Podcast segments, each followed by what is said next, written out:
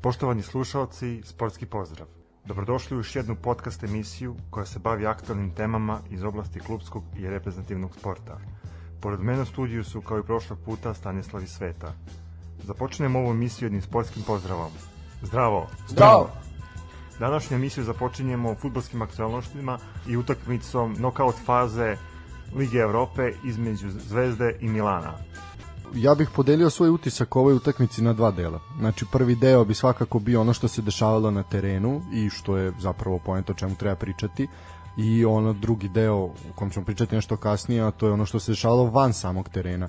Milan, to smo pričali, došao je u Beograd nakon poraza od Specije, ovaj, kao kaznu Pioli je poveo celu ekipu, mada se znalo da neće igrati u najjačem sastavu, ali su svi bili u Beogradu, na tribinama uglavnom. Imali smo dobar futbol, zanimljiv futbol. Milan je krenuo oštro, dva poništena gola, to za šta misliš o tome? Realno, Crvena zvezda imala malo i sreće sa te dva poništena gola, jer da je Milan poveo već u desetom minutu, Da, ko zna, ko zna kako, kako to završilo, ali naravno treba imati i sreće. A jesu, jesu čisto poništeni gole, šta misliš? Pa prvi jeste, offside je bio, da. nije neki preveliki, ali je bio offside, a ovaj drugi, Teo Hernandez jeste igrao rukom sad, ali to treba svirati, ne treba Da, imali smo, imali smo, to ćemo isto spomenuti, ovaj vikend smo imali dve situacije gotovo identične u Superligi sa igranjem rukom, totalno su bile različite odluke, tako da to je onako sad dosta konfuzije pravi to, to igranje rukom kad može da se nastavi, kad ne može, kad se priznaje, kad se ne priznaje, dosta je, dosta je konfuzno. Još VAR dodaje na, na toj nekoj važnosti, nekoj, da. važ, pa i važnosti da, ali još teže je, još komplikovanije je da, da se to nešto objasni, da se raščivija to neko pravilo. Uh, što se tiče VAR sobe, VAR soba je bila sasvim korektna, uključivala se kad je trebala. Tako je, Nije tu bilo nekih... Bile korektne, da. ove najvažnije. Ja čak mislim da suđe dobro ovaj odradio sasvim, posao. Sasvim solidno, sad da li će se gospodin Nedica RTS-a složiti sa nama ili ne, ali sudija je ok bio i VAR soba je po meni bilo sasvim korektno. To bi tako trebalo da izgleda. A hvala Bogu pa nisu u prvom planu sudije. Milan je izašao u jednom, da kažem, slabijem sastavu, e, Mandžukić je konačno predvodio napad, imali smo tu Rebića, bio je i naš Krunić je bio takođe Rad Krunić ja mislim odigrao odličan meč, možda jedan od boljih od kad je došao u Milan. Tako je, tako je. Po meni najbolji pojedinac u Crvenoj zvezdi je svakako Mirko Ivanić. Mirko Ivanić, da, šteta ostaje što nije lobovao možda do Narumu u onoj situaciji kad je izašao iskosa, ali šta bi bilo kad bi bilo Da. Ali pretio je, imao neke šuteve sa distance i igrač meča po meni. Kada da. smo kod Zvezde, meni je dobar utisak ostavio Njegoš Petrović Absolutno, i Kanga. Absolutno. Mislim da su oni baš dobro odradili posao na sredini terena. Da, tako, takođe i Milan Borjan, mislim, opet je bio na visini zadatka, to je ono o čemu smo pričali u prošloj... Imao je sreće što je poništen ovaj gol Hernandeza, da, jer je da. tu proplivao i ko zna kako bi tu I onda nesrećno, mislim, odbranio je nekoliko odličnih, odličnih udaraca i onda onako nesrećno, nesrećno primljen autogol, Panko je on mogao nju da zaustavi, jeste zakače, ali ona ipak prošla, prošla ispod. Pankov je definitivno tragičar meča, ali se Milan Pavkov potrudio da ipak ne bude toliki tragičar. Da, čovek koji je to bio jedno vreme potpuno zaboravljen, nismo znali ni gde se nalazi, nije ga bilo ni na tribinama a onda eto dolazi i uđe pri kraju da gol uđe pri kraju da da gol Za, ali mnogi su mnogo mnogo komentara se pojavljivalo Da li on zapravo hteo tako da zahvati tu loptu glavom ili nije hteo, ali na usporenom snimku se jasno vidi da je on taj trze, da on nije ciljao. Da, da, on, on, išao, sve, on išao svesno na to da, da zahvati loptu. Ja i dalje ne znam čime on uopšte tu loptu i udario. Da li leđima, vratom, ramenom, jeste, glavom? ali taj trze je bio pravilan, to je bio školski trze, znači on jeste skočio na prvoj stativi i odličan trze glav, znači gađa dalju drugu stativu, to je bilo fantastično izvedeno. Stvarno treba pogoditi. Me, meni je fascinantna sama putanja lopte. To mi je, je. Jedino to mogla da uđe i tu je ušla. Tako je. A kad se budemo kad se budemo prebacili na domaći fudbal pa pričali o meču koja je Zvezda igrala za vikend, sličan sličan gol su dali dali Spartaku. Uh, ja ono što bih voleo da izdvojim to su svakako naslovi u italijanskoj sportskoj štampi. Bili su naklonjeni Crvenoj zvezdi, a dosta su napadali napadali Milan kažu da je u suštini to sve vidi se posledica pritiska koji se nalazi trenutno u ekipi Milana. Znači imali smo i utakmicu sa Interom nakon da ih je Inter razmontirao po šrafovima. Imali su sreće što je bilo samo 3 rasipanje Mina, Milana, Rosoneri e, nisu bili glavom u meču, e, zamagljeni Milan iz Beograda ide na derbi, to je jel, ovaj, metafora na čuvenu utakmicu jel, iz 88. godine. Hvale Medi Mirka Ivanića, znači svakako eto, dospeo i na stranici italijanske sportske štampe, ali u suštini dosta, dosta osude za igru Milana i za trenera Piolija. Pa, verovatno po italijanskim medijima je Milan trebao da reši to već u prvom meču i da pobedi bar sa tih 2-1 i da ode mirno u revanšu, ovako i dalje verovatno malo strepe. S tim da su imali sad utakmicu sa Interom gde je Inter onako pokazao nivo. Ko je gazda u Milanu? Apsolutno, apsolutno. Eriksen je odigrao odličnu utakmicu, zaista je bio odličan derbi i sada vezali ste dva poraza u ligi i ovaj nerešen rezultat, tri loše rezultata je ukupno sad će biti, biti frka protiv Sve ili ništa. Da, da. Ne, neko mora da plati za sve to. Mislite da će ja platiti Ja se samo nadam da, da neće zvezda. Dobro, videćemo, videćemo tu šta se dešava. U suštini, to je to, je to što se tiče, tiče tog nekog utiska, utiska samog meča. Po meni, Mandžukić je mo, mogao ovaj da da se bolje bolje malo iskoristi. Ja mislim da je bio prvi njegov meč posle A jeste, nekog jeste, da. perioda, da. jer tamo u Kataru da, da je bio je raskinuo ugovor i Rebić je bio igrao. solidan. Mislim oni su oni su odigrali solidno, ali ali moraju mnogo mnogo bolje, jel? Zvezda je Zvezda je ipak bila hrabra i to na tome svaka čast. E sad, ajmo na one ne toliko lepe teme. Na ono što se dešavalo na, na tribinama. Znači, kao što smo već rekli više puta, Ibrahimović je bio pristan u Beogradu, znači cela ekipa je bila tu. Čovjek je sedeo na tribinama, jel, posmatrao meč.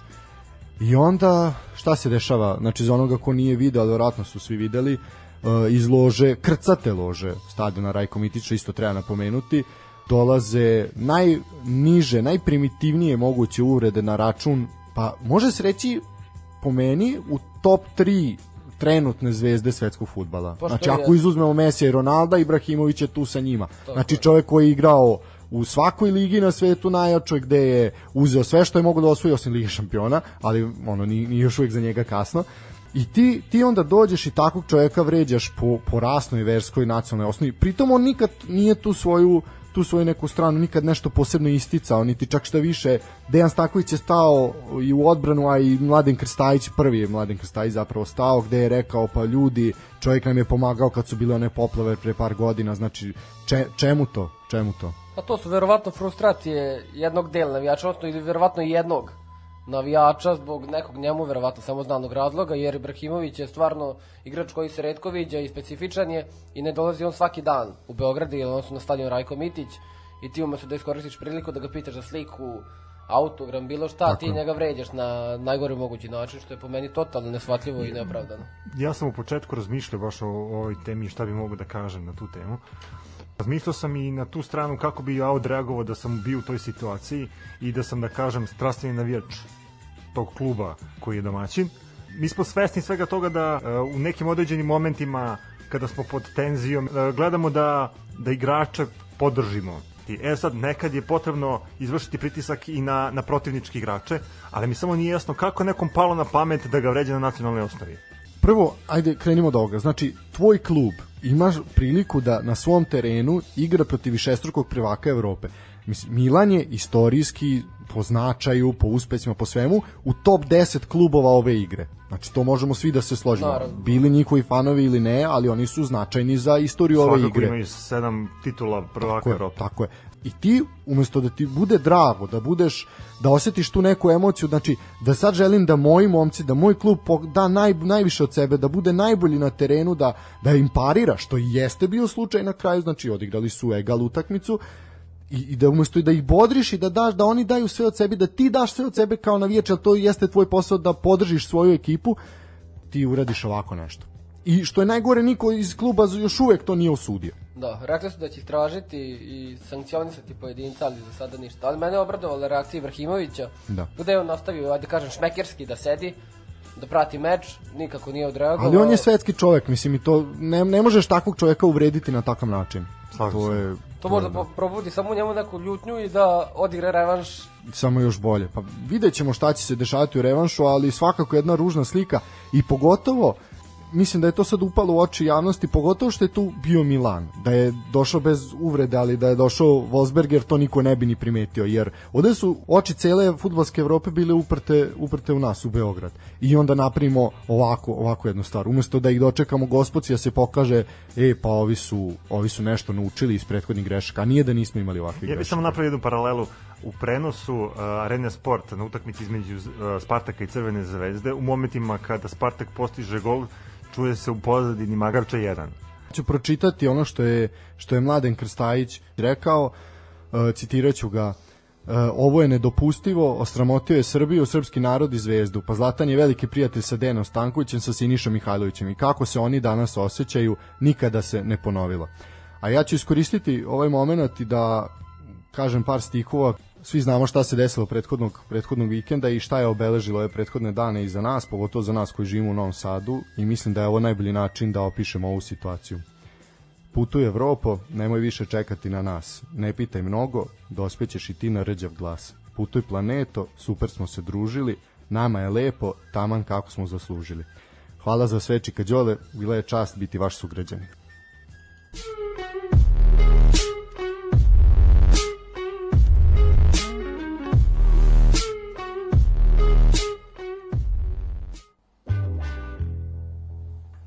Evropa je otputovala, a mi prelazimo na domaće terene. Prva uzbuđenja, onako malo ozbiljnija posle prvih uvodnih kola, imamo kolo se otvorilo u subotu. Imali smo utakmicu između Čukaričkog i Čajetine. Čajetina se držala prvo polovreme i dosta dobro odolevala I ono što mene posebno ovako raduje što svaki meč Čukaričkog iskoči, iskoči drugi pojedinac. Znači imali smo Jovanovića, pre toga smo imali Čolovića, sad imamo, sad imamo Birmančića, znači stalno neko iskoči. Znači, stalno iskoči neko drugi, što znači da Čukarički dobro funkcioniše kao kolektiv. Ozbiljan tim, ozbiljan tim, nema šta. Mislim da je Veljko Birmančević i pre ove utakmice bio dosta dobro formi, samo što nije uspeo to da kruniše nekim golom ili... Tako je, Čukarički polako ali sigurno cementira svoje mesto u Evropi. Pa mislim da su sigurni. Po meni Ne znam ko može da ih ugrozi ozbiljnije. Da, to je bio jedini, jedini meč subotnjeg programa. Uh, u nedelju smo imali više mečeva koji su se igrali od 13 časova. Počećemo od onog da kažemo koji se igra u Novom Sadu, nama najbliže. Proletar Metalac, kao što smo i najavili, videli smo odličan futbal, atraktivan, dosta golova je bilo, na kraju je na kraju Metalac odneo sva tri boda. Po meni jedna dobra dobra utakmica ko je gledao prenos arene, mogao je mogao da uživa u fudbalu. Skroz otvorena utakmica, da. napadački obe ekipe su pokušavale da dođu do pobede. Na kraju je to uspelo Metalcu koji je slavio rezultatom 2-1 i odneo tri boda iz Novog Sada. Za nijansu južnije. Idemo do Beograda. U Beograd stiže najbolji strec lige Milan Makarić, ali nije se video na meču. Pa nije se video, verovatno po meni, odnosno to nije do njega već, do njegovih saigrača, jer protiv Partizana ne možeš igrati toliko ofanzivno, napadati, jer ako se otvoriš, verovatno ti sleduje ono što pet komada u mreži. Da. Ja bih samo spomenuo komentar Željka Pantića, čuvenog Žeksa, koji je rekao da je radnik u ovom kolu igrao antifutbal. Pa me interesuje vaše mišljenje vezano za, za njegovu izjavu. Mislim da je bilo ekipa koji su igrali veći antifutbal od radnika. Jer svaka da. ekipa tako igra protiv Partizana, sem naravno crveni 90, 90% ekipa, ne baš možda svaka. Bilo je ekipa koje se nisu zatvarale u Beogradu, ali ne bih ja ovo nazvao antifudbalom. Bilo je i mnogo goreg, mnogo goreg fudbala, tog antifudbala kako god hoćeš. Tako kako tek onda to nazvati ako je... Da, ovo po meni, po meni došli su, čekali su neku svoju šansu, međutim, Partizan je bio odličan. Ja sam kvalitetniji tim je Partizan. Apsolutno i mislim da su pokazali u svakoj liniji ekipe, znači čak i mladi Popović bio odličan na golu, zadnja linija bila fantastična, čestitamo Igoru na prvom golu, mislim da ga je zaslužio, onako dosta se tražio. Jeste, pod... poslednje vreme zaista odlično igra i mislim da je zacementirao mesto u prvoj postavi. Tako je, su borbenošću, agilnošću, borbenošću i agilnošću, pogotovo što kaže malo se tražio pod Savom, bilo ga je pa ga nije bilo, pa se sećamo onog ulaska sa klupe u protivaze Alkmara, pa taj go nesretan primljen i tako dalje i tako dalje. Ali eto, mislim da je svanulo sunce, o, da ogrejaće i obasjaće iza Igora. Da je tu radniku dosta odmoglo od to što su štoperi dobili žuti karton, da. što su pravili neke greške nazad, odnosno nisu znali kako da izađu na kraj sa presingom Partizana i to je rezultovano. Ja sam pokušavao da analiziram malo igru radnika i video sam da su u prvom polovremenu se bazirali na udvajanje pojedinih igrača Partizana. Odnosno su pokušavali Partizan da svedu na napade sa boka. Gol koji je pao je fin ovaj centar šut koji je Vujačić pretvorio u baš lep pogodak. Teška mislim... situacija je bila da se da gol. Svakako, da i mislim da na kraju rezultiralo time da, da se radnik malo i otvori. Znači prvi gol Partizana tvorio vrata za, za naredna dva. Da, tim, tim pogodkom, jel, to je bilo pred kraj prvog poluvremena, završavamo poluvreme i onda u drugom poluvremenu još jedan korner, još jedan gol. I još jedan crnogorac. I još jedan Crnogorac, da, Šćekić ovaj put, s tim da je Šćekić, ako ste primetili kako je lopta išla, Šćekić se spustio, on nije skočio, on se spustio i onako udario loptu Pod glavom. prečku. Da, da, znači isto obzirom da je Šćekić izuzetno visok čovek, znači ali se snašao fantastično. Imali smo prethodnih sezona i to se uglavnom čulo i sa tribina, hvatanje za glavu i to negodovanje kad Partizan dobije korner, ali se zna da iz njega, ono, zadnji put dali go iz kornera kad je Ivan Ivanov dao protiv, protiv. Tromza, da, otprilike je to bilo zadnje. I sada evo imamo na jednoj utakmici posle dva, dva prekida, dva gola. To je za svaku pohvalu i izgleda da će možda Partizan i početi da koristi te I ja bih pohvalio još jednom igre Miloša Jojića. Mislim da je počeo polako da, da liči na onog starog sebe od pre par godina. Tako da samo mogu da očekujem uh, dobre igre i njegove i njegovog tima. Lazar Marković takođe Lazar ponovo bio dobar, tako imao je tako odličnu šansu. Izgleda da hvata foru. Tako je, da, tako kad je. smo kod trećeg gola, Asano je dao uh, 11. gol za Partizan i prvi u, u ovom uh, delu šampionata. Posle tri utakmice koje je Partizan odigrao, nije su upisao listu strelaca, evo sad je konačno proradio. Imao je jedan, jedan zanimljiv prodor sa desne strane Tako kada je. je proturio, ja mislim, kroz noge loptu čak jednom igraču radnika i iskoristio svoju brzinu. Tako da on je čak po meni možda i pocenjen igrač, jer se ne priča dovoljno o njemu, a on je pri vrhu liste strelaca i jako je krilni napadač, ajde da kažemo. Slažem se sa Zahvalan tobom, igrač, po meni, zahvalan. po meni morali bi ući u dublju analizu, ali mislim da bih imao da bih imao argumenata da kažem da je Asano najkvalitetniji fudbaler u našoj ligi.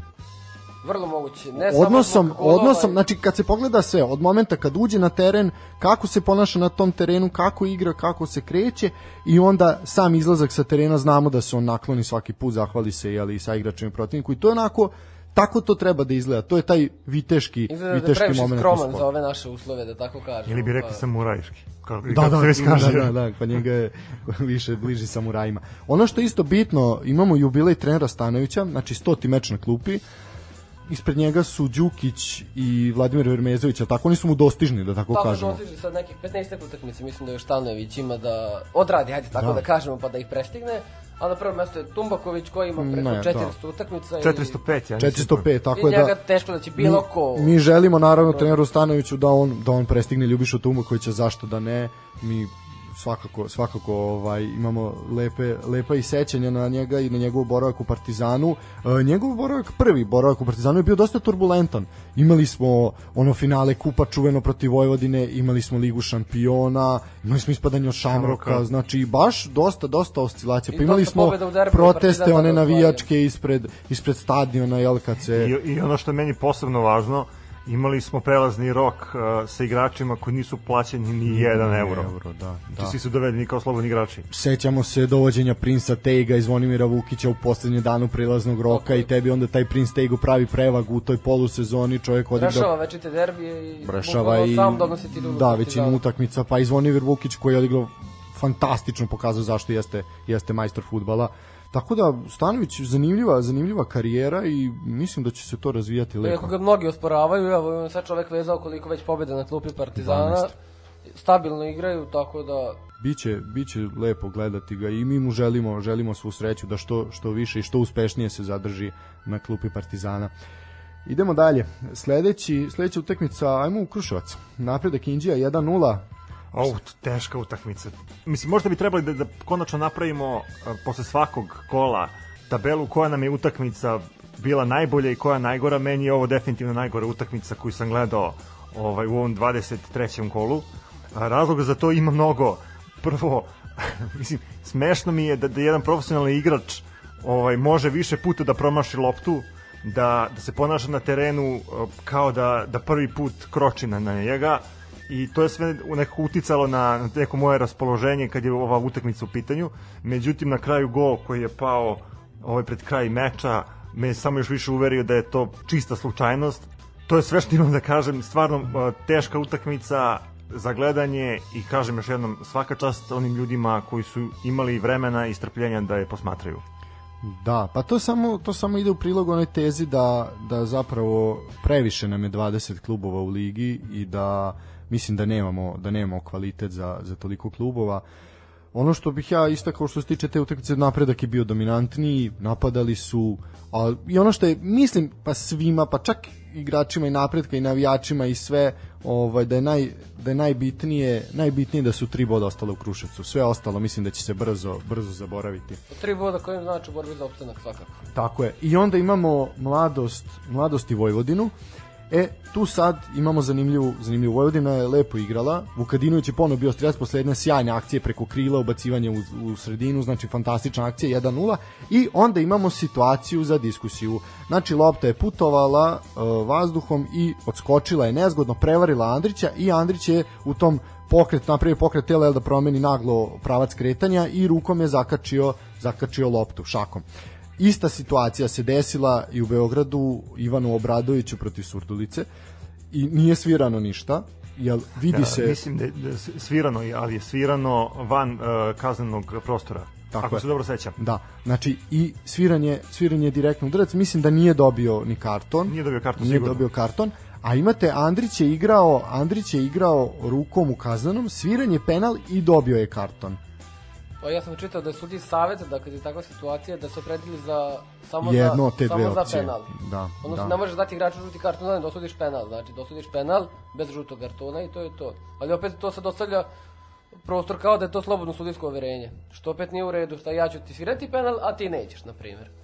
Pa jako se, da, jako puno se ostavlja sudijama sad na, i znam da to čak i sudijama ne prija, ostavlja se na taj moment upravo da sudija odluči u deliću sekunde šta jeste, a šta nije, znači po njegovim nekim ličnim afinitetima. I jako je teško da sudija, znači bukvalno ima delić sekunde, e, ovo jeste bio prekršaj ili ovo nije bio prekršaj. To je, ne znam, po meni, po meni sad ove sezone se dosta, dosta priča o tome šta igra rukom, šta nije igra rukom, kad, u kom položaju ruka je problem, kad nije problem, kad može da se nastavi, kad ne može da se nastavi.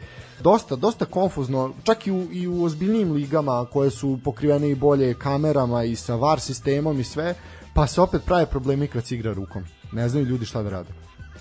Nenad Latović je dao izjavu baš vezano za, za, za to igranje rukom. Koji, u kojim položajima se svira ruka, u kojima ne. Tako je. Tako da, Tako je. Ono neko osnovno pravilo je znači da bi trebalo da se svira prekršaj u onom momentu kada ruka a, povećava zapreminu tela, znači površinu tela. Znači ako je u ovom slučaju, ali sad u ovom slučaju čovjek je nehajno zakačio a, loptu rukom gde nikog oko njega nije bilo, on je bio sam u, kaz, u tom delu kaznenog Da. prostora, nije bilo protivničkih igrača, po meni sudija je mogao i da pusti i da pusti i pusti ali dobro takva odluka je donešena gol gol koji je značio značio dosta dosta mladosti iz Lučana 1-1 i jedna jako promenljiva utakmica, kraju ravna podela bodova. ranije tokom nedelje pre odigranja ove utakmice disciplinska komisija Fudbalskog saveza Srbije kaznila je Nenada Milovanovića zabranom vršenja funkcije mesec dana, uslovno godinu dana i 300.000 dinara zbog prigovora sudi. Ovo je onako dosta zanimljivo. Neško Milovanović je svakako simbol, simbol kluba iz Lučana. On je ovo je njegova poslednja utakmica, rekao je da zbog sukoba sa savezom ne želi da njegov klub klub trpi, da trpi neku represiju ili već neki osvetnički, mada mislim da do toga ne, neće doći. I on je napustio, napustio mladost iz Lučana, ovo je bila poslednja utakmica koju je, koju je vodio sa kluba. Neško je bio simbol bukvalno kluba jer je tu I simbol naše lige. Pa i što jeste, jeste, na da, neki da. način tu je čovek godinama jedan od retkih koji se zadržao toliko. I napravio od, od mladosti iz Lučana, napravio stabilnog superligaša. Sad ko će ga zameniti i na koji način? Ko, kako Naša liga je uvek imala neke konstantne trenere. U prošlosti je bio Dragoslav Bekvalac, Tako ovaj, bio je Stepanović Zoran Milenković. i Zora Milinković. Ovaj, ovih par Pa godina imate Simu Krunića i bio je Milorad Kosanović i imamo Neška Milovanovića koji eto sad napušta kormilo mla, a, mladosti iz Lučana. prilično sam siguran da će se vratiti. Partešku, samo preuzimaju, menjaju se bukvalno. Da, ali prilično sam siguran da će se Neško vratiti, pitanje, pitanje samo dana. I onda kolo kolo ovaj tačnije taj dan uh, se završava utakmica Spartakom Spartakom i Crvena zvezda zanimljiva utakmica, možda najbolja utakmica ovog. Slažem se. Pa definitivno najbolja utakmica. utakmica sa najviše šansi i dobra igra oba tima. Spartak je poveo, igrao dosta hrabro, poveo, da, Spartak je poveo, Furtula je dao gol ponovo strelac. i to, boga mi, kao u stilu najiskusnijih napadača preko Borjana, lopte u mreži. Furtula ima još jednu, još jednu akciju, jedan na jedan isto sa Borjanom, sviranje offside, bila je na granici, ali ajde, reći ćemo su sudije bile u pravu.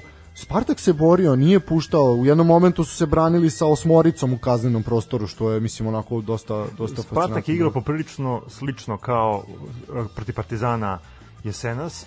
poveo je 1-0, opet identična situacija, na kraju preokret u poslednjim minutima, tako da očigledno im protiv beogradskih klubova Zvezdi Partizana nedostaje koncentracija u, u završnici meča. Tako je, s tim da Zvezda je stvarno napadala čitavu, čitavu utakmicu, ređale su se šanse, pogađali su prečke, stative, svega je bilo karambola, odbijanja, od bio je savladan golman, pa igrač podmetne telo, pa se odbilo lopta. Znači, stvarno je svega bilo, Zvezda je bila blizu, jako blizu pogotka. I onda po meni ključan, ključan moment utakmice su svakako izmene. Znači Furtula je izašao i Srećković koji je bio dosta dosta zapažen na terenu, ulazi Strahinja Jovanović i Vladan Vidaković i tu se prelama meč, izbacuješ dva glavna igrača, nisi više opasan po gol protivnika i imamo, imamo onda situaciju gde je Ivanić bio strelac. Opet glavom i drugi gol glavom, znači da. oba gola isto neko prekida tu je Spartak imao još jednu šansu nakon tog primljenog gola, međutim međutim nisu nisu nisu imali ni ni koncentracija, verovatno više pa, ni snage. Pa dva gola iz prekida, a branili da. su ceo meč na kraju ni za šta. Tako je. I onda dolazi drugi gol Ben, znači kao jedan od najnižih igrača na terenu, skače opet na prvu stativu, znači sličan gol kao protiv protiv Milana, znači uigrana akcija skok na prvu stativu i, i ide, ide gađa opet lep, lep zamah glavom. Ben to onako futbalski odradio i pogodio, pogodio drugu stativu. Ali eto meni je fascinantno da čovjek koji je najniži tamo bio na terenu je nadskočio sve, sve i dao, dao gol glavom. E, Zvezda drži razliku na tabeli i putuje u Milan. Nedelju su, tačnije to je ponedeljak već bio, Bačka Topola i Bačka, duel dve Bačke, Krstajić lagano uzeo bodove bez... To je već polo vreme bilo 3-0, da. posle samo otaljavanje posla, što bi se reklo, tri boda i to je to. Da, uh, Mislim, svi su očekivali lagano, pobedu. Da, da, bio je favorit. Bačka se borila, međutim ipak je TSC pokazao klasu. Uh, Juk Stanove je postigao jedan prelep pogodak, izabran je za gol kola, je li tako? Pa ja mislim da jeste. Da. Ali moramo da proverimo, ne znam tu informaciju. Što, e, Đuro, Zec, Đuro Zec je dao dva brza gola posle toga i lagano, mislim da bez puno trzavica, bez puno trzavica Bačka, Bačka grabi ka, Bačka ka Evropi. Tone, a... Bačka Palanka tone, a druga Bačka, Bačka ovaj, ostaje. I mislim da je sad dosta blizu, pričat ćemo i o tabeli, stanju na tabeli, ali dosta blizu, blizu Evrope. Uh, imali smo mač opet na domaćem terenu ko ovaj put nije iznenadila favorita i radnički iz Niša je to rešio u svoju korist. Pa ovako utakmica sama po sebi moramo da kažem da je bila borbena s obe strane. Ovaj radnički je dao go u prvom poluvremenu. Videli smo šansu koju imala Mačva ovaj gde je igrač na gol liniji uspeo da se splete. da. Jeste, verite, čuda su moguća. Pa i ovo da... da Kao čupo moting Tako je. Tako, tako je. Da, samo što Čupomoting ima veću platu nego cela, ceo šabac zajedno. I na kraju Kasalica ponovo strelac za radnički i radnički je tu utakmicu lako priveo kraju i da, rutinski. Boda, da, rutinski. Hoćemo na krov ili ćemo Ivanjicu? Ajmo, pa ja bi pre na krov. Ajmo krov, da, ovo najzanimljivije ćemo ostaviti za kraj, da. E, ovako, znači, Voždovac je na krovu tržnog centra dočekao rad, uh, rad koji nije bio favorit u meču, ali rad koji igra kao preporođen. Ono što smo najavili, to mi je posebno drago što smo najavili to rad ovo proleće.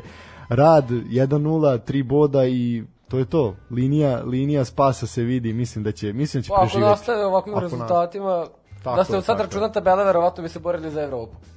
Da, stvarno, opet, opet, kad smo kod rada, jako dobra partija Kahrimana, imao je par stvarno dobrih intervencija, Kaluđerović je opet u napadu predvodio rad i stvarao šanse. Rad sam po sebi igra neplanirano napadački futbal i moram da istaknem go Petra Karaklajića koji je na kraju i radu doneo ta tri boda. Tako je. Tako je, to je to sve se... Voždovac opet nastavlja sa lošim rezultatima. Ma da Voždovac imao stvarno par prilika solidnih za postizanje da. gola, ali eto nisu imali sreću. Mislim da je, da je Voždovac nije zaslužio da izgubi, ali mislim da je najrealniji rezultat ove utakmice bio nerešeno, ali svakako bitna, bitna, tri bitna tri boda, tri to. boda, da. To je druga pobeda rada ovog, ovog proleća, što je isto bitno, bitno za reći. I imamo onda najzanimljivije, znači gde se podigla najviše bura, a to je, a to je u Ivanjici, Javor Novi Pazar, svega je bilo na meču. Znači, čvrsta utakmica po dosta lošem terenu u Ivanjici, puno žutih kartona, znači u prvom poluvremenu je viđeno čak pet žutih kartona i onda imamo u 48 minutu, znači sam početak drugog poluvremena crveni karton za Mijića i onda imamo 52. je, je Javor poveo, tu je Pazar pritiskao, jednostavno zna se, moraju da atakuju na gol, jednostavno treba im bodovi za opstanak i čak je ušao i Gigić pred kraj, povratnik u srpski futbol, jel? Ovaj, koji Da, se nije snašao u Partizanu, ali je pojačanje je za Pazar. Negde na- tako, na da, da. I onda šta se dešava? U 91. minutu Pazar postiže pogodak, 1-1, međutim sudija poništava taj pogodak, da li opravdano ili ne, za igrače Novog Pazara i za celu klupu koja je skočila, uletela na teren i pokušala da se obračuna sa sudijom, znači o tome ćemo komentarno, to će ići posebno, ali mislim da je opravdano poništen gol. Ja bih se složio Ja da, je, da jeste opravdano. Da. Da. Poništeni, da verovatno Ali- Ali... ponela situacija i to mogu da razumem, znači vijaš celu utakmicu, imaš igrača manje, vijaš rezultat, treba ti, treba ti, treba ti bodovi za, za, bo- za opstanak, imaš solidne, solidne rezultate sad kako je krenulo prolećni deo prvenstva, ali mislim da takvoj reakciji nasrtaju na sudiju, znači u elitnom rangu takmičenja u Superligi mislim da ne sme da bude mesta i mislim da treba da budu kažnjeni jer ovakve stvari stvarno ne smeju da se dešavaju ni u beton ligama, a kamoli, treba je da kamoli budu u kažnjeni na elitnom neki primeran takmičenju. način, a ne nešto simbolično. Utakmica sama po sebi je bila poprilično borbena, što se meni Da, puno sviđa, intenziteta, da, puno da. intenziteta. Obe ekipe su pokušavale da dođe do pobede. Uh, u nekim momentima grubi startovi, uh, valjanja po terenu je izazvalo još veću tenziju koja je na kraju kulminirala tim poništenim golom Novog Pazara i uletanjem celog stručnog štaba Ma, svi su sa sve da, igračima cijelo. na, na teren i da se žargonski izrazimo vijanjem sudije. Apsolutno, mislim pa da su bili kukuruzi pored terena čovjek, čovjek vjerojatno pobegao tamo. Mislim to je baš baš ne priliči, ne priliči super super ligi. Verovatno će biti na YouTube u ostalim zemljama Biće. da se malo smeju. Pa da, eto, dve situacije po kojima onako baš ne treba da budemo nešto nešto posebno Ja ne znam, možda ponosni. ste vas dvojica upućeni, da li su ovaj, članovi Novog pazara dali neke izjave vezane za? Naravno, naravno da su odmah krenuo je rat saopštenjima, to je to, saopštenjem ću te, saopštenjem Ali ćeš prvi me. put da nisu Partizan i Zvezda. Tako je, tako je, da, ali dobro, prenosi se taj eto virus se širi Trend. na ostale klubove, da, virus ili trend, da, to i to isto za dilemu.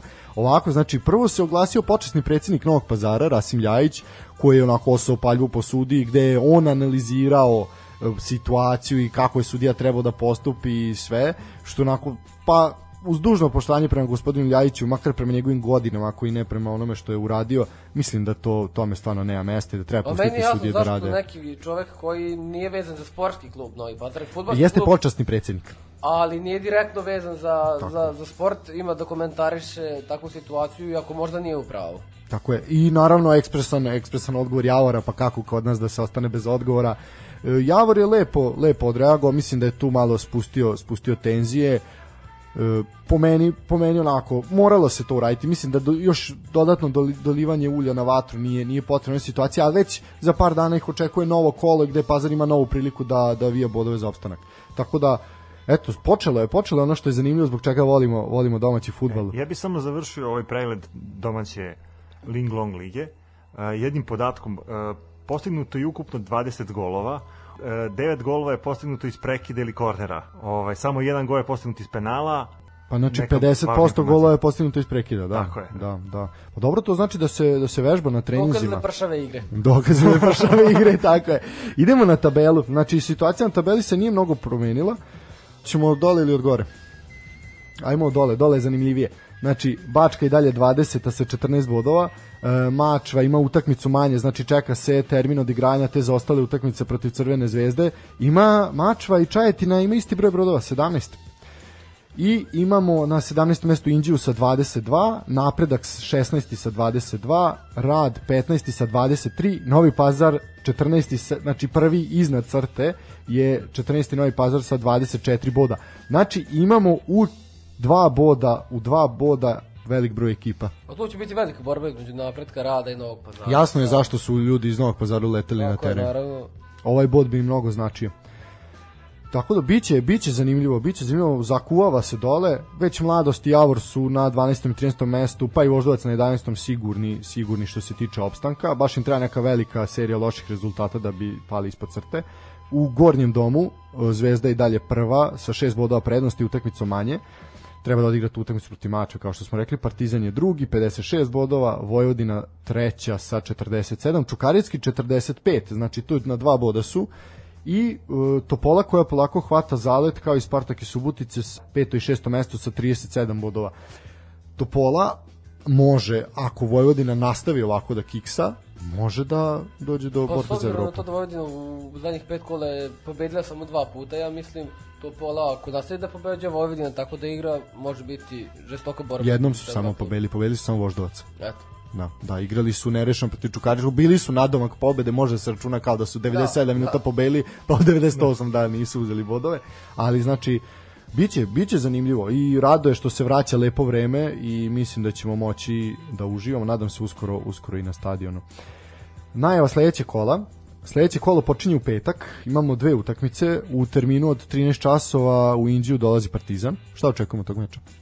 Pa verovatno će biti slično kao Partizan i Radnik, što su igrali Indije će pokušati da sačuva gol, da osvoji barem bod, Partizan će napadati, verovatno strpljivo kao i protiv Radnika, tako da me ne bi čudio da po ovo vreme bude čak i bez golova i onda da Partizan malo žešće napadne u drugom, otvori Indiju. Mislim da je bitno, pobedi. bitno reći, nije bilo se i dube sume ni, ni u ovom meču Partizana, verovatno ga neće biti ni u Indiji. Ali vidim da se ništa ne piše sada o tom Da. transferu u američku ligu ili neki drugi klub možda. Tako da se stvarno ne znam šta se tu dešava i štete što Suma ne igra. Verovatno je to veliki hendikep za Partizan. Tako je. E, Saša Zdjelar je pozitivan na koronavirus, to se juče pojavila informacija i neće propustit će meč protiv Indije. Mi mu želimo brzo poravak i nadamo se da se neće širiti broj, broj zaraženih Treba u, u našem napomenuti da je Djelar najkonstantniji igrač Partizana Tako je, i tako je. igra bez oscilacija. Ali tu je Čekić koji će ga odmeniti sad Tako, Čekić i problema. Natko će se Tako je, verovatno tako je. kombinovati u veznom redu. Partizan ima taj luksus da zameni Djelara. Da, prvi put posle mnogo godina Partizan zapravo ima dugačku klupu. Da, što je za svaku pohvalu. Da, i trener Stanović je to napomenuo i na pripremama da ima ima taj luksus, znači da ima 17 igrača spremnih u svakom momentu i to je to je po meni vrlo Dosta je pohvalno. žal što u ovom momentu nisu u Evropi, jer bi verovatno Da. i tu imali značaja ta duža klupa. Tako je, drugi meč, drugi meč uh, tog rasporeda u petak od pola 4 je Vojvodina i napredak. Vojvodina Mora. mora da pobedi. Vojvodina mora da pobedi. Nešto ne valja u Vojvodini, da li je to situacija oko malog devetaka, ali to se vjerojatno već smirilo ili je loša situacija sama u klubu finansijska i već svašta tu na raznim nivoima, ali Vojvodina mora, mora da dobije. Mislim, mnogo su kvalitetniji od, od futbolera napretka, što naravno ne garantuje tu i pobedu, ali treba bi. Očekujemo pobedu. U subotu prvi meč koji otvara otvara program je Bačka Čukarički.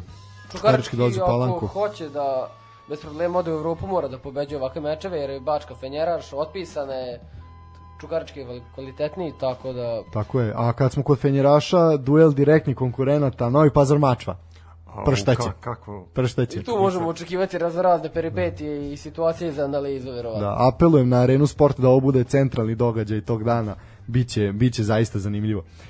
E, takođe u Nišu, u Nišu dolazi Spartak protiv Radničkog. To će biti zanimljiva utakmica. Da. to je prijateljski... To je prijateljski, prijateljski derbi, da, znamo da su oni, znamo da su oni u lepim odnosima. Či radnik u Surdulicu dočekuje Javor.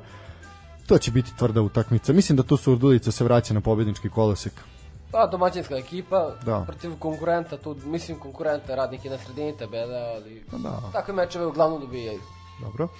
E, zatim od 4 sata, znači imamo jedan premier ligaški termin, to je Metalac i Bačka Topola. To će isto biti interesantan meč. Metalac domaćinska ekipa, Topola pod Krstajićem igra odlično, tako da možemo očekivati... Lep futbal, lep i Lep atraktivan i efikasan futbal, to svakako, svakako možemo očekivati. Rad i mladost, da li će rad nastaviti dobru seriju protiv mladosti na Banjici? Pa ja mislim da hoće. Pogotovo sad odlazak Neška A Milovanovića. mladost, ako sada izgubi, može ući u opasan problem oko opstanka čak. Neplanirano da uđe u problem oko opstanka. Da, pa nisu, nisu oni baš totalno sigurni, ali trebali bi, trebali bi da, da to bez trzavica privedu sezonu kraju. Imamo još jednu utakmicu, znači u tom terminu, to je Zlatibor Čajetina Voždovac, Voždovac putuje na Zlatibor. Pa tu, iskreno ti kažem, ne znam šta da očekujem. Mislim da Zlatibor može da bodova. Pa, s obzirom da Voždovac nije u nekoj formi, Ja bih samo rekao da ja mislim suprotno od vas dvojice. Mislim da Voždovac ovo može da, da reši u svoju korist. Ništa, opkladit ćemo se, pa ćemo videti. Možda bi stvarno mogli da se opkladimo. Možda bi mogli nas trojice sa opkladimo. Dobro, imaćemo, imaćemo i taj deo, i taj deo u priči kasnije. E, I svakako kolo zatvaraju Crna zvezda i Proletar. Proletar koji igra lepo, fantastično, dobri rezultati, blizu su vrhu tabele, dolaze na, na Rajko Mitić. Šta možemo tu pa očekivati? ne znamo u kakvom će Crna zvezda daći sastavu, jer možda će odmarati igrače za četvrtak i verovatno meč sezone za njih. Mislim da čak postoji mogućnost da ovaj meč bude i odložen. Pa s obzirom kakva je praksa bila prethodnih Da. godina, Vrlo moguće. Da, mada vidjet ćemo sad tu. Ja mislim da ipak neće. Da, Problem mislim da je već su u problemu što moraju da nadoknade taj jedan meč, tako da ovaj još jedan bi zaista zaista bio problematičan. Vidimo šta se dešava u drugim ligama, po najviše ovaj, ajde prvi do nas u, je HNL gde stvarno jako puno problema ima, nemate, nemate pet timova na tabeli od 10 koji su odigrali isti broj utakmica, što je neverovatno. I opet imaju problema sa, sa zaraženima. U Hajduku pojavila se vest, u Hajduku ima 30 zaraženih. Znači to je ceo, ceo kolektiv. Ali oni su išli tom taktikom, ajde da putujemo svuda svi zajedno. Kao da se držimo jel, nekog karantina, ali se krećemo. Išli smo u Osijek, išli smo u Zagreb, išli I smo onda svuda. jedan kad se zarazi, I jedan se zarazio i svi su se zarazili, da. To bi bilo to što se tiče, tiče Super lige. Mala pauza, pa idemo nazad u Evropu.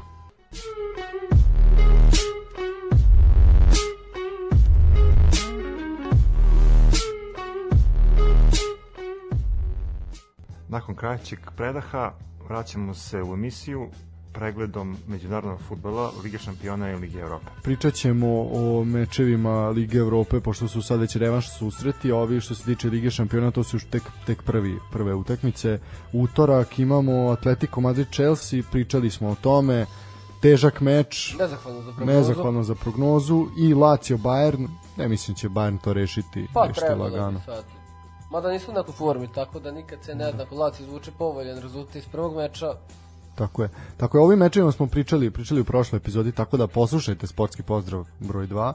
A Možda nešto i zaradite. možda nešto i zaradite, da. U sredu imamo Atalantu i Real Madrid, to smo rekli da treba bude efikasna utakmica, A ja sam vidio mislim da kladionicama da je čak Atalanta favorit, što sam se iznenadio. pa moram priznati da je to iznenađenje, ne bih očekivao da bude favorit, ali dobro. Vidjet ćemo da li će opravdati. povredama, da je Neiro Benzema i Ramos i dosta igrača, tako da verovatno možda i opravdano. Ajde, što. Da, jako, jako, jako je velik spisak. Znači imamo Bezemu, povreda Mišića, Carvajala, Hazarda, Marcela, Milito, da, Ramos, Rodrigo, pa Valvedere. Ozbiljna, ozbiljna lista, da. Dobro, vidjet ćemo, vidjet ćemo kako će to, kako će to biti, ali mislim da u dvom meču očekujem da Real bude, bude favor, da Pa mislim da bi... pokaže, Real pokaže ipak. Real. Da. Ali svakako svi mi zaljubljenici u fudbal ćemo, ćemo navijati za Atalantu. Tako je, tako, Tako je. je. Borussia Mönchengladbach Manchester City, pričali smo i o tom meču, tu Mislim, očekujemo lagan prolaz Manchester Tako City, a bez nekih velikih trzavica ne bi smelo da ih bude. I u sredu imamo prvi meč, eh, prvi revanš meč eh, Lige Evrope, Tottenham i Wolfsberger će igrati. To sve rešeno već, tako. 4-1 ili 4-0. 4-1 je bilo 4-1 je bilo u prvom meču, Tottenham će to rutinski rutinski završiti kući bez nekih velikih trzavica i onda u četvrtak poslastice za ljubitelje fudbala Ajax i Lille bio je odličan prvi meč u Francuskoj Lille je Preokret. Ajaxa da 2-1 je pobedio Ajax na kraju i to smo predvideli tačan rezultat tako da slušajte nas i možda stvarno zaradite neke novce Ako mi već nismo. ako mi već nismo Ajax i Lille pa ja ponovo očekujem očekujem otvorenu utakmicu i mislim da će Pa ja- ja- Ajax sigurno tu sve pobediti moguće. Misliš je da Lille može da pa, iznenadi? Kako je Ajax iznenadio u prvom, tako bi možda i Lille mogao u drugom. Mada ja ispravno navijam za prvo za Ajaxa, ali dobro. Dobro, e, nakon toga imamo Arsenal i Benfiku, prvi meč bio 1-1, Arsenal se dosta mučio, Benfica je čak i vodila, Benfica nije trenutno u formi u portugalskoj ligi, vidim da zaostaju desetak bodova. nije ni Arsenal. Nije ni Arsenal, ali kako su krenuli sezonu, sada se može reći da dobri, su da. u nekoj formi. Imali su derbi meč protiv Manchester City, a gde je već u drugom minutu bilo sve rešeno. Dobro, City je ipak priča za sebe, tako naravno, da... naravno.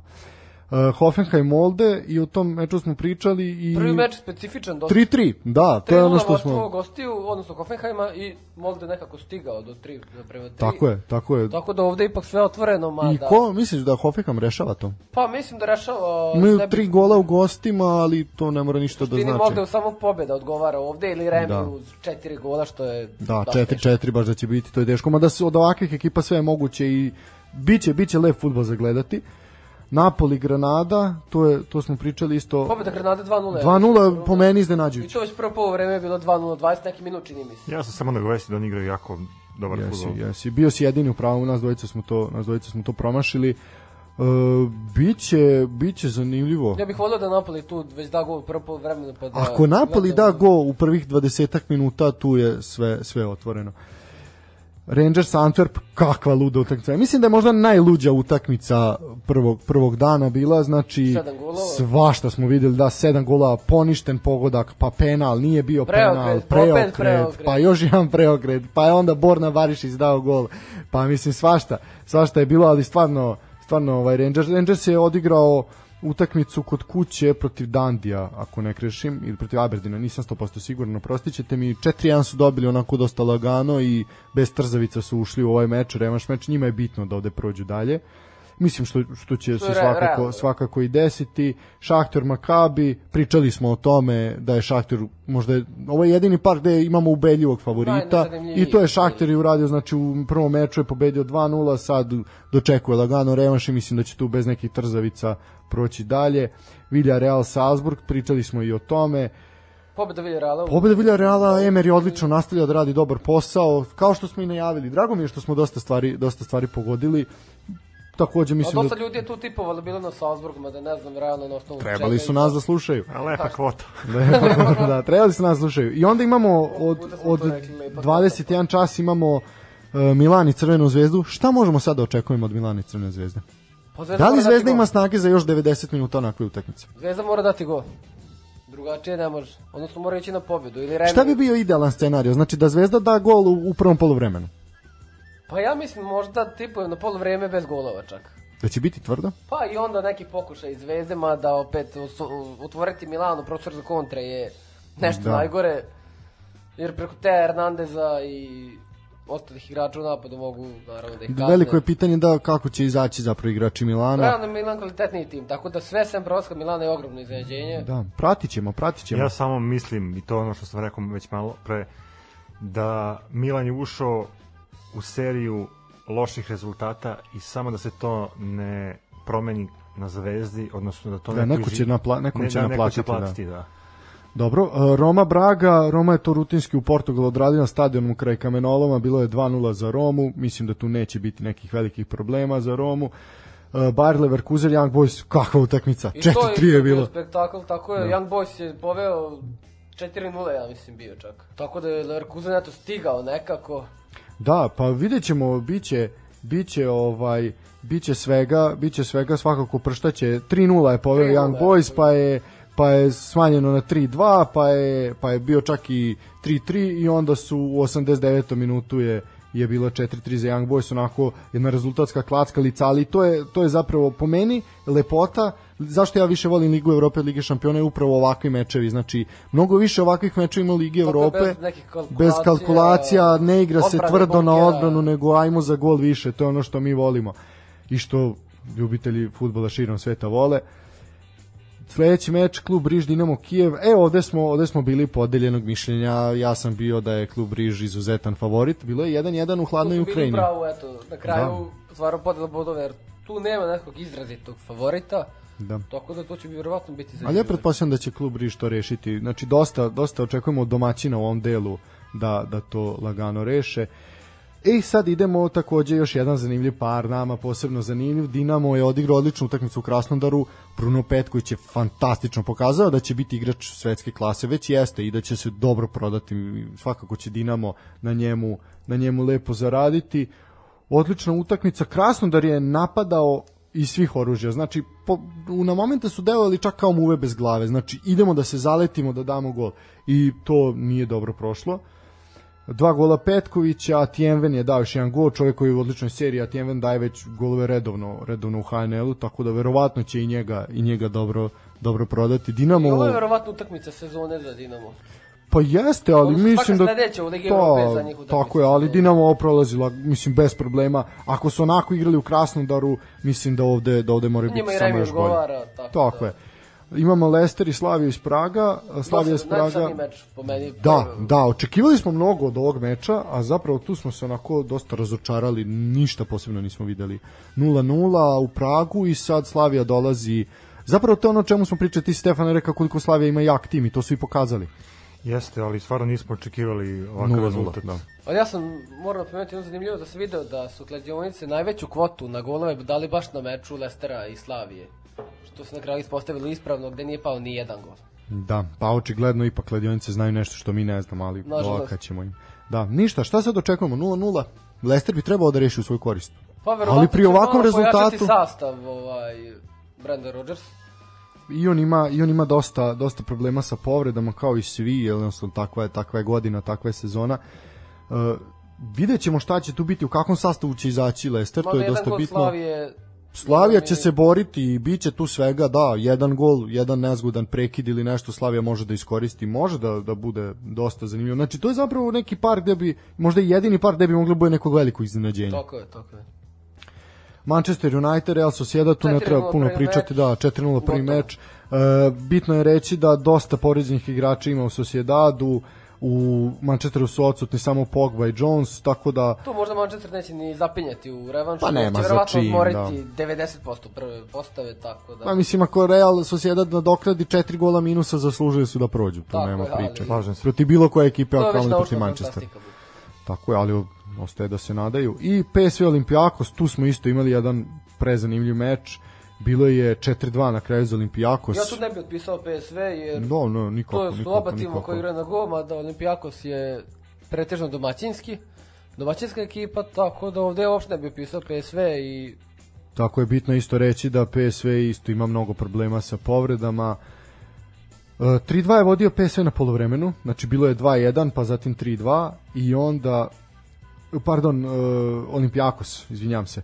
I onda je onda je u pred sam kraj meča 83. minutu Olimpijakos povećao to prednost. možda bude i ključni gol taj u 83. Moguće, minutu, moguće, zato da. što je donosi dva gola prednosti. Vidjet ćemo, vidjet ćemo kako će se to odvijati. Dosta, dosta zanimljivih duela, znači kao i, kao i pr, u prvim susretima, dosta zanimljivih duela nas očekuje. Komentarisat ćemo, ispratite i vi, pa vidjet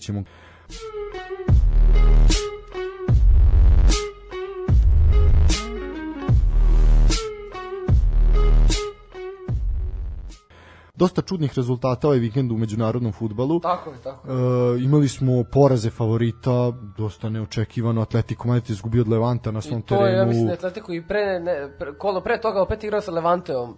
Za ostalu utakmicu gde je odigrao nerešeno i sada je kod kuće izgubio Da. od njih, što baš nije tipično za Za njih imamo poraz Bayerna. od Poraz. Bayerna protiv, protiv Frankfurta, da, da je Eintracht vodio 2-0 na poluvremenu, na kraju Bayern uspeo da po, postigne jedan pogodak i imamo ne, duel, duel ovaj, derbi grada Liverpoola, uh, crveni protiv plavih, plavi 2-0. Što po meni nije više toliko iznenađenje, jer Liverpool koliko 60 nešto utakmica nije imao poraz kod kuće i onda je vezao 3-4 utakmice gde gubi. Liverpool u ozbiljnoj krizi. Liverpool u ozbiljnoj krizi, znamo da su ih povrede, povrede onako unazadile i da imaju probleme da su da im se konstantno povređuju igrači na istim pozicijama, znači sedam štopera imaju povređenih, A mislim Klopp stvarno. kaže da mu je smetao vetar.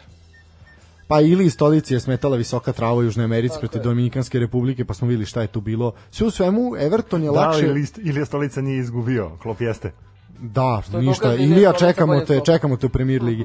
Uh, Everton je lakše savladao Liverpool, znači gradskog rivala, branioca titule, ekipu njihovom koja igra više pre- na njihovom terenu, nego Aston Villa protiv koje se više mučio. Tako je, tako je. Izgleda da je Liverpool postao sparring partner trenutno. Da, Liverpool je dosta pao, dosta pao na tabeli i mislim da da će teško spasiti ovu sezonu. Nisu nisu očekivali ovo navijači Liverpoola. Šta je tačno tu pošlo po zlu, to, po zlu, to je za jednu detaljniju analizu. Barcelona znamo da je u problemima. I to isto po meni, ko malo bolje prati, zna da, da, to nije se mnogo iznenadio, nije se mnogo iznenadio mislim što da je Barcelona Kadiz. 1-0 povela i penal, Legle napravio penal neku glupost u 88. 9. minutu. Da, jedan jedan Kadiz koji Kadiz igrao sasvim solidno ove sezone, imali su nekoliko odličnih rezultata.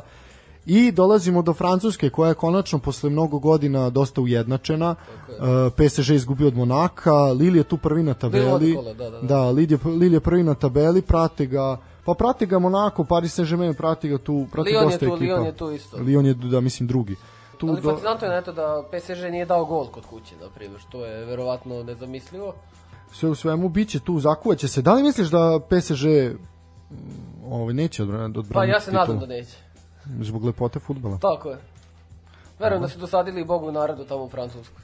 Pa ja se dosta dosta je monotono, pa ne, upravo je, dosta je monotono. Zadnji put su da nisu bili šampioni, mislim 2012. da je Montpellier bio šampion. Ako mislim I da je Monako to ja pre koju godinu uzeo sa Mbappeom, Toma Lemar i onda je to, ekipa. to je, da, da, tako je, tako je, tako je. Da, 2012. Montpellier pa su onda pa su onda uzeli, to je Montpellier sa Giroudom, ja mislim. Tako je, to je prodalo Žiru Arsenal, svi znamo šta se posle dešavalo.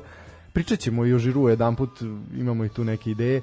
Znači, Lille je prvi sa 58, Lyon 55, drugi, Paris Saint-Germain treće mesto, po, po ome Paris Saint-Germain bi išao u kvalifikaciji za Ligu šampiona. Tako znači, je, čak ali ne bi ja bio da direktno. to teško tako da se završi, jer... Da, do, pa dobro vidite, to je na bod, bod razlike. Monako je četvrti sa 52 i onda zapravo ide na peto mesto Lens koji zaostaje 12 bodova, mislim tu već nema Lens se uzdiže, i to mi je drago. Da, lepo, lepo je za videti da dosta raznovrsno i dosta ujednačeno, dosta ujednačena liga. To bi bilo to što se tiče što se tiče ovaj evropskog fudbala, kratka pauza, pa idemo na parkete.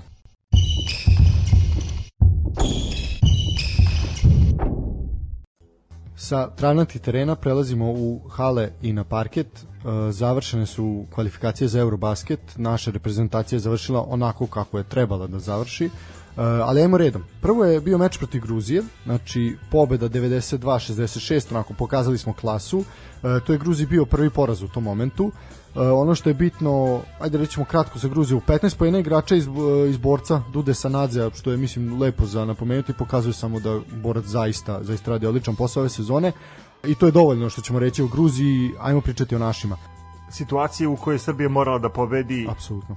Pa mislim da niko nije sumnjao i dovodio... Da, bili smo, realno bili smo apsolutno dominantni, a čoveka kog treba posebno posebno onako staviti staviti pr na prvo mesto za to je Petrušev koji je bio apsolutno dominantan 27 poena od To toga. debi, čini Da, debi za da, reprezentaciju. da, da, Tad su i i- tako odigraš. Uh, 10 od 15 iz igre uh, šest skokova i dve asistencije debi u reprezentaciji znači dečka koji je 2000 i neko godište. Znači svaka čast svaka čast i mislim da je pred njim zaista blistava karijera ako ovako nastavi. E, dodaćemo da je Andjušić takođe ono što smo rekli u Burgu igra fantastično ovde je završio meč sa Samo 20 nastavio. da nastavio je 22 poena 7 od 10 iz igre i 5 asistencija što je zaista onako od njih dvojica su vodili reprezentaciju pa i u prvom i u drugom meču što se tiče ovog prvog znači u tom momentu Srbija ima 3-2 Uh, Finska je pobedila Švajcarsku, Finska ide kao treće plasirana, a mi smo imali šansu protiv Švajcarske za prvo, za prvo mesto, znači da se njima revanširamo, što smo i uradili. Teška utakmica, Stefane, ti si gledao? Ja sam gledao stvarno teška utakmica i Švajcarska je dobro otvorila utakmicu. Naši na njihovu odbranu nisu u početku mogli da pronađu rešenje, tačnije imali smo problem sa njihovom zonom. E, druga stvar, to što je Švajcarska nas napala sa spoljne linije, šutevima za tri poena, gde su stvarno bili izvanredni. Ja sam samo jednom momentu očekivao da će taj šut biti zaustavljen ili ovaj, da će oni krenuti da promašuju. Međutim, oni su stvarno krenuli silovito još jače. Srbija je u drugom poluvremenu krenula malo opet bojažljivo da igra, odnosno početkom treće četvrtine. I po meni ključan moment, osim a, fantastične igre Filipa Petruševa, bilo je uvođenje Marka Lukovića pred kraj četvrte četvrtine, gde je Srbija a, njegovim ulaskom trojkama Rebića, odnosno Trebić je pogodio dve trojke, uspela da smanji uh, zaostatak i da napravi seriju, ja mislim da je bila 10-1 ili 10-2. Sve u svemu, mi smo u 3 minuta pred kraj utakmice došli na egal sa njima i onda kad smo već bili pred kraj ovaj, samo dali gas i pobedili.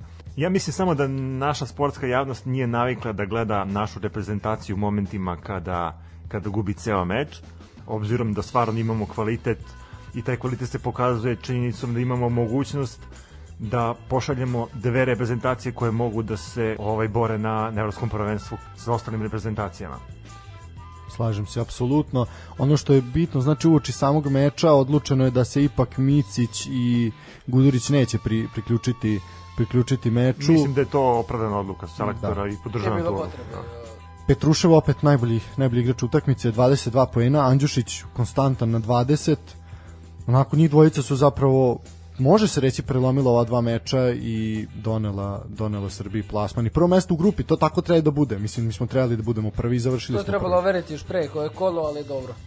Tako je, slažem se, ali dobro, sport Ove, zato jeste ove tako. kvalifikacije služile su selektoru za uigravanje ekipe i za pružanje šanse mladim igračima. Tako je, opipao se puls, znači da vidimo šta, sa čim mi to raspolažemo, kakvi su to igrači iz nekih manjih kluba koji obično ne bi dobili toliku minutažu i pokazalo se da se može ozbiljno računati na neke, što je zaista dobro. Mislim da je Kokošku to lepo, lepo odradio. I Kokoškov i Milović. Tako je, njegov... pogo, mislim, da. Da. mislim da se ne priča dovoljno zapravo koliki je učinak Dejana, Dejana Milojevića u svemu tome i on je, i on je odradio odličan, odličan deo posla. Ostaćemo na parketima, kratko samo ćemo reći da je počeo play-off rukometne lige Srbije, znači krenulo, krenulo je ovaj u subotu. Železničar je pobedio Dubočicu, znači to je sam krem de la krem naše lige. E, Železničar pa jedan favorita čak za titulu, sa Vojvodinom će se tu boriti i sa metaloplastikom svakako. Vojvodina je dobila Dinamo vrlo lako 25-18, a, radnički protiv metaloplastike, u to je bilo svega metaloplastika, na kraju 31-30, jednoj neizvesnoj završnici uspela da uzme prve bodove, što je bitno, i Partizan Rudar, e, tu je bila dobra, dobra utakmica, lep rukomet za gledati, Partizan se odlično borio i Partizan uzima bodove, mada ja mislim da Partizan nije prvi favorit za, za osvajanje lige, ali može da se umeša, može da pomrsi račune mnogima. Tu se slaže, mislim da je po meni možda Vojvodina za nijansu. Vojvodina i Železničar su. Da, da. Pa da, Vojvodina. Vojvodina je železničar, pa da. metaloplastika kao treća, tu će se Partizan negde boriti sa njima. E, vidjet ćemo tu, biće, biće dosta zanimljivo, pratit ćemo šta se dešava u play-offu Arkus lige. E, sledeći mečevi koji, koji slede su Dubočica i Rudar, metaloplastika igra protiv Partizana derbija, znači u Šapcu. Tu ćemo videti zapravo od čega su napravljeni jedni i drugi. E, Dinamo Radnički, tu mislim da će Radnički lagano odneti pobedu i Železničar Vojvodina, znači još jedan derbi, da. I tu će takođe se već određuje tu put ko će, ko će se boriti za titulu. Biće biće dosta zanimljivo, kvalitetnih nekoliko kvalitetnih ekipa u plej-ofu, pratit ćemo svakako svakako Ono to. što mene raduje je da smo imali priliku da gledamo rukomet na dva nacionalna kanala. to je Na zaista za pohvalu, da. Na RTS-u je bila utakmica Partizan Rudar, a na RTV-u uh, Vojvodina, i Dinamo, da. Da, to je to je zaista zaista ovaj lepo. Uh, Arena Sport redovno prenosi, prenosi rukomet pa i sport klub, ali kao što znamo nemaju svi mogućnost, čak dosta vel, velik broj ljudi nema mogućnost da gleda Arenu i mislim da da ovo treba, da je praksa kojom treba da se nastavi. Zaista zanimljiva liga će biti i mislim da ako nas slušaju neko iz RTS-a, nadamo se da to treba, to treba da urade. Ti prenosi nisu skupi za realizaciju i to se može može lako i lepo uraditi. Tu se slažem, pogotovo što ove godine imamo četiri konkurenta za, Tako za je, titulu skoro nije i mislim da će biti stvarno neizvesno prvenstvo. Sa ove tačke gledišta mi ne možemo da prognoziramo ko bi mogo da bude šampion Najmoguće. i ko bi mogo da ode u, u Seha ligu, ali generalno gledano stvarno očekujemo jedan dobar rukomet i mislim da je ovo sezona koja može da podigne popularnost tog sporta. Apsolutno, apsolutno. Čak ni posle ovog sledećeg kola, znači gde imate dva meča gde se sudaraju direktni konkurenti za titulu, neće moći da se kaže e, to, da, neće ništa biti rešeno, neće moći da znamo ko je, ko je apsolutni favorit. To bi bilo to, pratit ćemo, pratit ćemo rukomet kao i košarku i ostale sportove.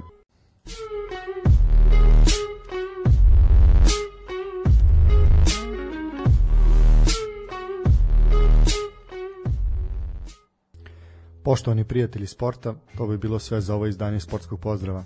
Analizirali smo sve što je bilo zanimljivo u prethodnom periodu i najavili ono što nas čeka. Imali smo iza nas puno zanimljivih utakmica, puno zanimljivih golova, zanimljivih poteza, ali isto tako dosta zanimljivih dešavanja van terena. Ne toliko lepih, dosta saopštenja je bilo, dosta negativnih stvari i da nam je ovo što se desilo prethodne nedelje lekcija koju treba konačno da naučimo.